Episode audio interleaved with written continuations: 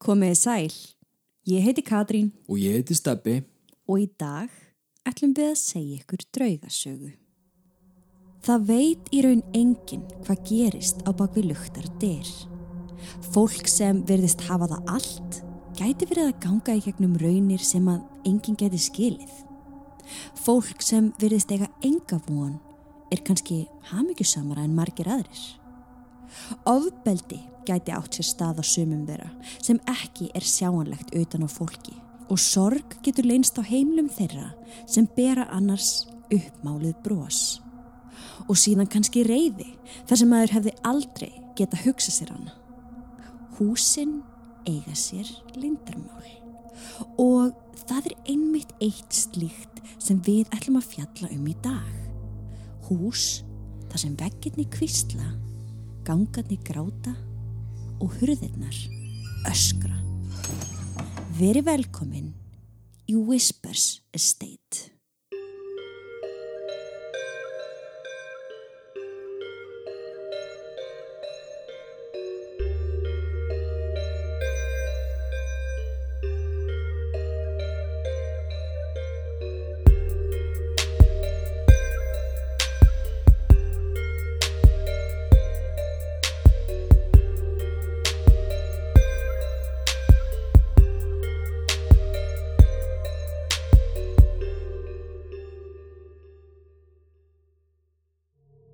Við viljum minna á að draugasögnar okkar eru ekki við hæfi barna yngre en 13 ára nema með leiði fullorna. Og með því hefjum við sögu dagsins.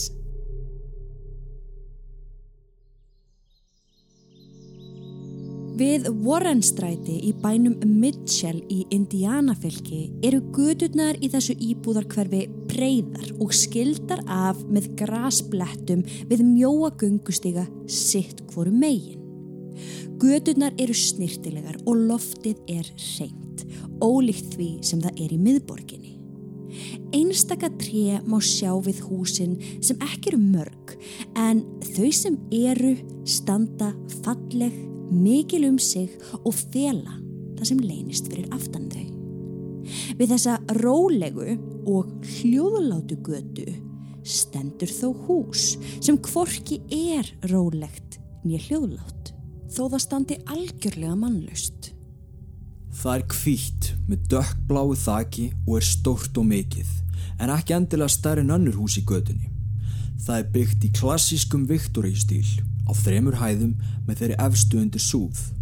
Fyrir framann stuttan göngustíin sem leiðir að húsinu standa tvær stórar stittur af englum sikkur megin við. Gráleitir með lútið höfuð sem sjá ekkert fyrir mosa og riði sem sapnast hefur fyrir á andleitu á engjum þeirra. Við hliðin á vinstramegin er mjög lág stálgrindverk sem skilur að grasbletti húsins frá mjóum göngustygnum. Grindverkið er þó opið á hinum endunum þess og þjónar því eiginlega engum tilgangi. Það bara er. Eins og andrumsloftið í kringum það. Það er korki gott nýja slæmt. Það bara er. Þegar þú gengur upp þau sjö litlu þrep sem leiða þig að lítilli verönd fyrir framann útidra hurðina er verðt að stoppa aðeins og hlusta. Því ólíkt hinum húsunum í gödunni er það mannlust og vegginni þar inni tala eða kvísla og það bókstaflega. Það er þess vegna sem húsið heitir Whispers Estate eða kvísl húsið. Þegar þú gengur inn tekur stór og massífur stíi á móti þér sem leiðir upp á aðra hæð. Veggirnir eru málaðir rauðir eins og blóð sem eitt sinn þakti marga þeirra. Gamaldags húsgögn setja reikfallin í stofunni með gömlu veggfóðri sem umkringja þig úr öllum áttum. Borstofan er svo beint á móti með stóri og mikilli ljósakrónu sem hangir yfir lungu borstofuborði þar sem sennilega margar minningar hafa átt sér stað. Góðar og slæmar. Í húsinu eru þrjú svefnherbergi og tvö baðherbergi, reshæð og steinstiftur kjallari.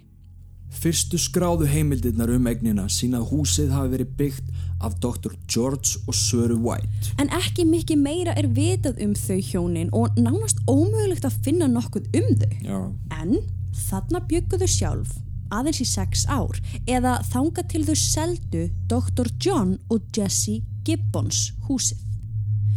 John, sem var líka læknir eins og fyrirverandi eigandin, var mikil smetin, veliðin og mjög vinsæl á meðal bæjarbúa. Hann var með læknistjónustu sem hann rak á fyrstu hæð húsins. En það er mjög eðlilegt á þessum tíma að læknar einmitt störfuð frá heimilum sínum. Já, og við höfum tekið þannig hús fyrir áður. Já, akkurat. En Gibbons hjónin, sem sagt nýju eigendur húsins, höfðu í áraraðir reynd að eignast börn, en aldrei tekist það. Þau voru því þekkt fyrir þá virðingaverðu gjörð að taka að sér munaðarlaus börn og ætleiða þau. Eitt af þeim var hinn tíóra Rachel Gibbons. Á aðfangadagskvöld árið 1912 lætist Rachel í setustofu húsins til að skoða alla þá fallegu pakka sem lágu undir jólatríinu. Það var hlýtt og notalegt en það var eldurinn í arninum ennþá logandi og byrtan frá honum skein vel á kortin sem bundin voru við jólapakkana. Hún sá strax pakka sem merti voru sér og eins og forvitin og óþrjöfull börn eru yfirleitt á jólunum þá stóðust hún ekki freystinguna og varð að taka nokkra af pökkunum upp. Þreyfa aðeins á þeim og kannski hrista þá lauslega. Bara svona til þess að svala forvitninni örlítið um hvað skildi leynast í pökkunum sem hún gæti ekki beðið með að opna morgunin eftir. En á meðan hún var að vesenast í kringum jólatrið rekst hún í veðarbút í arninum og eldur kviknar í náttkjólumennar.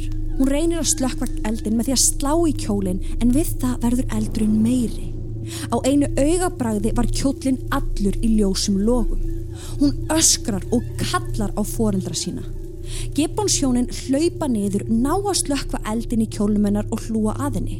En þótt að John Gibbons væri eitt færasti læknirinn í fylkinu, gata hann lítið sem ekkert gert til þess að bjarga lífi dóttur sinnar. Brunasárin voru of alvarleg og lést Rachel tveimur dögum síður af sárum sínum inn á heimilinu. En þann dag í dag má sjá ummerki um brunan á gólfinu í setustofu húsins. Enn fleiri áföll komu svo til með að eiga sér stað hjá fjölskyldunni í húsinu. Tíu mánuða gömul dóttur þeirra, hún Elizabeth, lést í hjónaherberginu af óljósum ástæðum. Nokkrum vikum setna lést Jessie Gibbons sjálf einnig inn í hjónaherberginu. Sumir segja að hún hafi dáið úr sorg vegna dauða dætra sína en raunveruleg dánarásög reyndist vera lúnabólka. John Gibbons rak læknastofu sína frá heimileg þeirra hjóna í alls 27 ár. Óhættir að segja að margir hafi látið lífið á skurðaborðinu hjá honum og margir það illa á sig komnir að ekki var hægt að bjarga öllum þeim sem leituðu til hans. Alls eru fjórar grafir í bakgarði húsins að frátaldri hólu sem sögður hafa verið nótu til þess að farga útlimum fólk sem taka þurfti af eða þá önnur líffæri. John Gibbons lendi í hræðilegu bílslisi aðeins tveimur mánuðum eftir dauða konu sinnar þegar kyrt var á hann. Hann lést því nokkrum dögum síðar af sárum sínum. Þannig að það, það, þau, þau eru bara öll dáin. Já, bara á einu auga bræði. Saga Gibbons fjölskyldunar er átakanleg en því miður ekkert einstæmi. Nei. Aðrar fjölskyldur hafa búið í húsinu eftir þeim og þurft að ganga í gegnum svipaða raunir. Á fymta áratögnum lést maður af óljósum ástæðum á baðherbergi á annari hæðinni. Nokkurum árum síðar fjall svo ungur drengur niður stegan í húsinu og lést samstundis við fallið. Þannig að það er ekkert smá mörg döðsföld sem þetta hús hefur séð. Það eru alls sex skrásett staðfest Já. döðsvöld. Já. Og, og, og þar fyrir utan sjúklingana Akkurat. sem eflust létust þarna á, á, á borðinu Á hjá hann. bara færibandi, sko. Húsið stóð svo einhverja hluta vegna mannlust til ársins 2006 en fram að því höfðu margir lengi haldið í fram að bölfun væri á húsinu og hverjum þeim sem byggið þar. En maður á nafni Van Reiner kaupir þá húsið og hafði hyggja á að breyta því í svona bed and breakfast gistiheimili. Hann hófst handa við framkvæmdir og eins og við höfum margsinni sagt frá þá er öndum vist mjög illa við breytingar og framkvæmdir á húsum þar sem þeir eru sæðið dvelja og það var einmitt það sem gerðist þegar Van Ræner byrjaði á endurbótum. Hann trúði sjálfur ekkit endilega á drauga Nei. en lokaði ekki alveg á hugmyndina sann. Sko, í alls konar viðtölum sem hann hefur setið fyrir í, hefur hann greint frá að hann reyni alltaf að finna eðlilega skýringar á öllum þeim undarlegu atvikum sem að hann hefur lendi í inni. hann er eitthvað vísindamæður, hann er, hann er rosalega akademiskur. En hann hefur ekki fundið neitt sem getur útskýrt hver það er sem að skellir hurðum, klórar fólk og býtur það. En hann segir samt sjálfur að hann hafi byrjað að heyra förðuleg hljóð í mannlausu húsinu. Fótatak á efrihæðinni. Stundum var það létt eins og barn væri að hlaupa um en á öðrum tímum var það þungt eins og fullorðin karlmaður væri að ganga þarnum.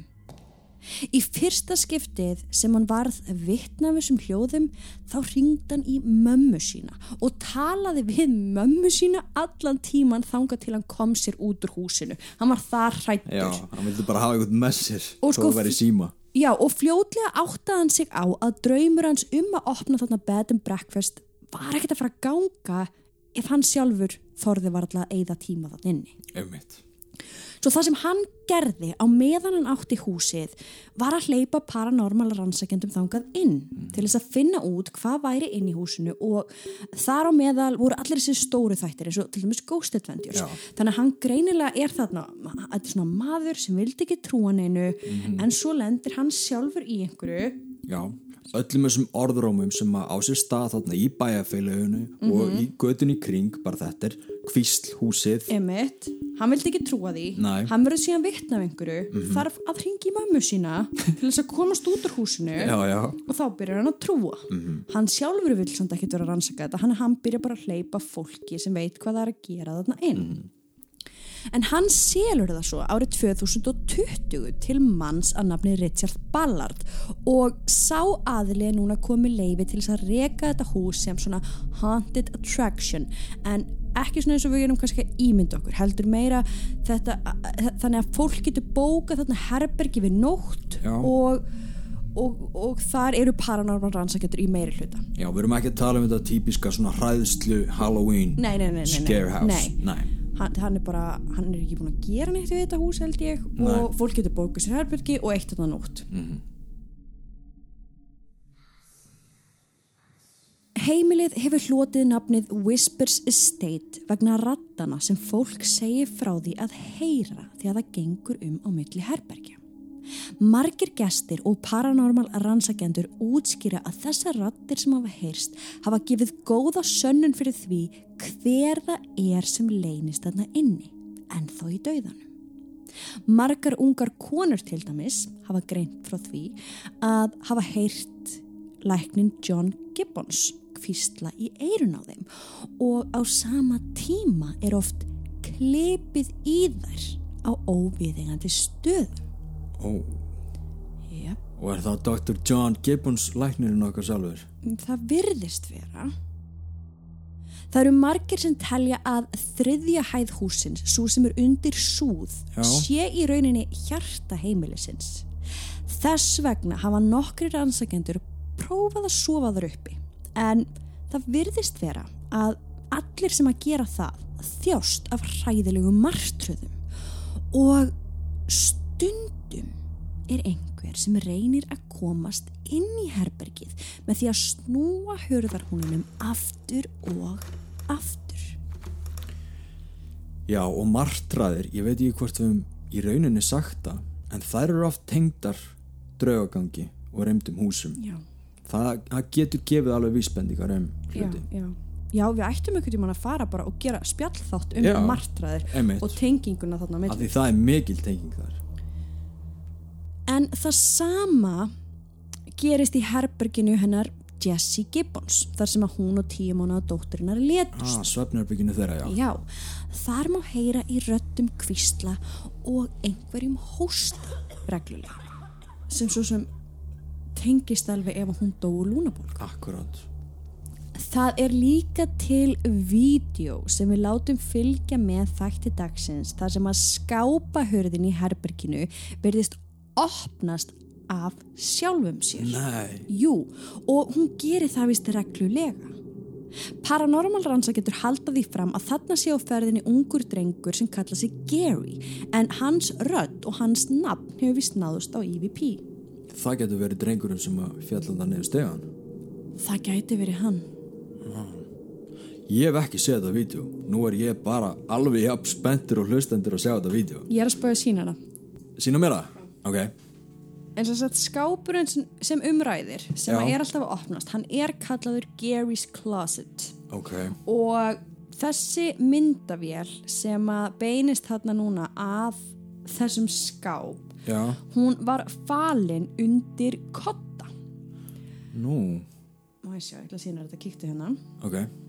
Sér þetta er, þetta er svartkvít myndband, þetta er á heimasíðunni hjá Whisper Estate. Skápurinn er lokaður. Nei. Svo bara greinilega heyrist alveg í Já, hurðarhúnum. akkurat áður en að ofnaðist. Svo brást hann. Það var eins og kvítanessi Þetta, okkur. þetta er mjög svipan með kvítunum sem þá var hún, henni var skellt upp. Já, Gary er, er aðeins rólegri heldur en andarni þar. En við setjum allavega alveg linkin inn þannig að þið geti klálega að sé þetta vídeo. Úf, þetta er geggja. Þetta er cool. En inn í þessu herbergi hafa gestir líka séð stóran og svartan skugga sem að miðlar vilja meina að hafi aldrei verið mennskur. Ó, Hvaðan hann kemur er ekki vitað en hann hefur sést það oft að hann hefur fengið viðurnefnið Big Black eða stóri svarti. erum við að tala um eitthvað demonic hérna?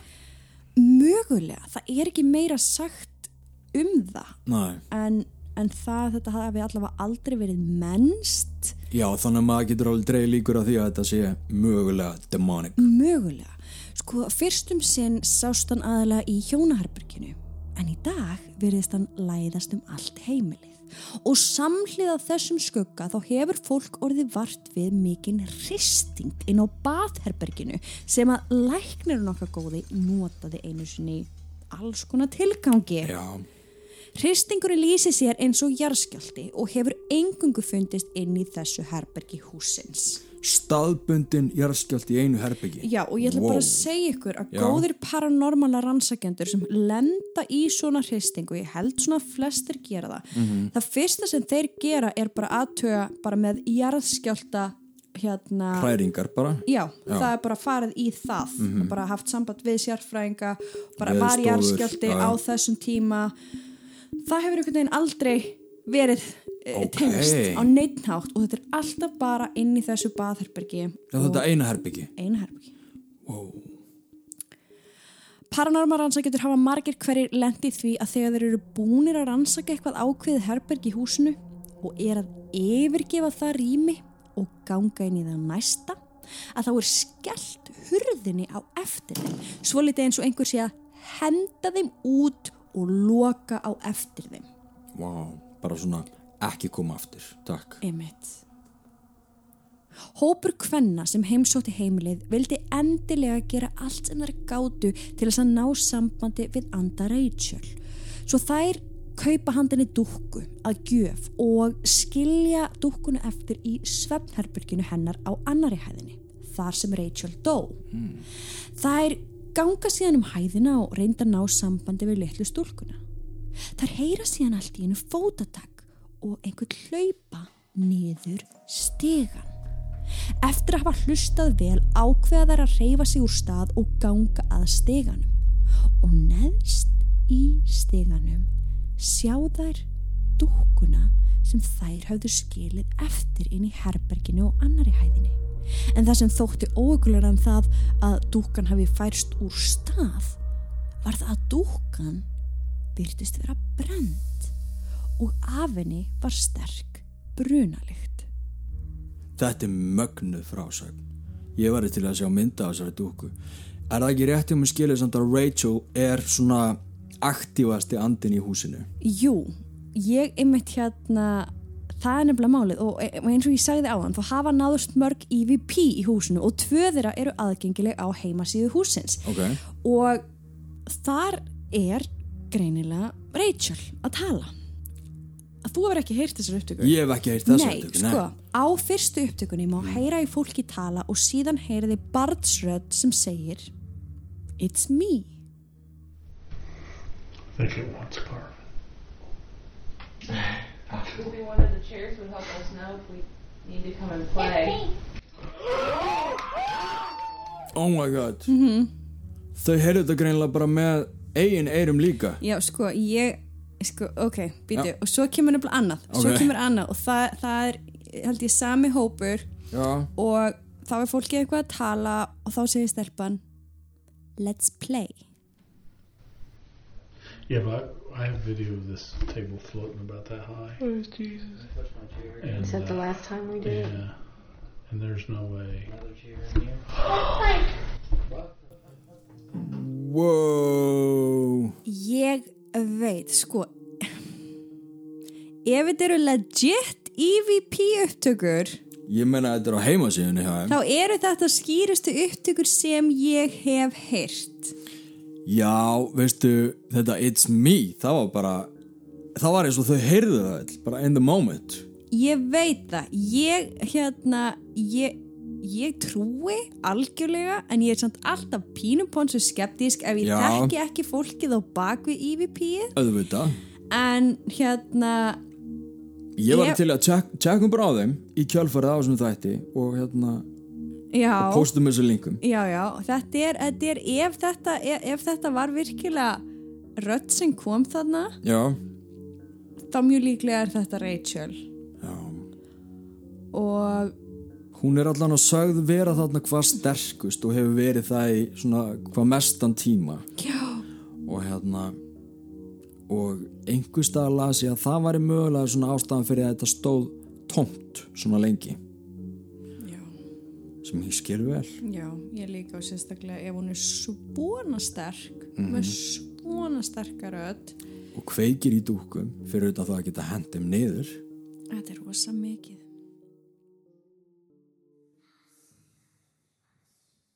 Þetta hús sem við vorum að fjallum á áhugaverða en þó sorglega sögu. Í dag er hægt að bóka nótt inn á þessu gamla heimili. Nóttin kostar 200 dólar á virkum dögum en 300 dólar yfir helgi og þú ert ekki að kaupa þeirri nótt í einu herbergi, þú ert að kaupa þeirri nótt í öllu húsinu. Og veistu steppi, Já, Ég get ekki beðið eftir að bandaríkin opni aftur af því ég er byrjuð að skoða hvenar þeir eiga laust. Þetta er hús sem við verðum klárlega að heimsækja í daginn. ójá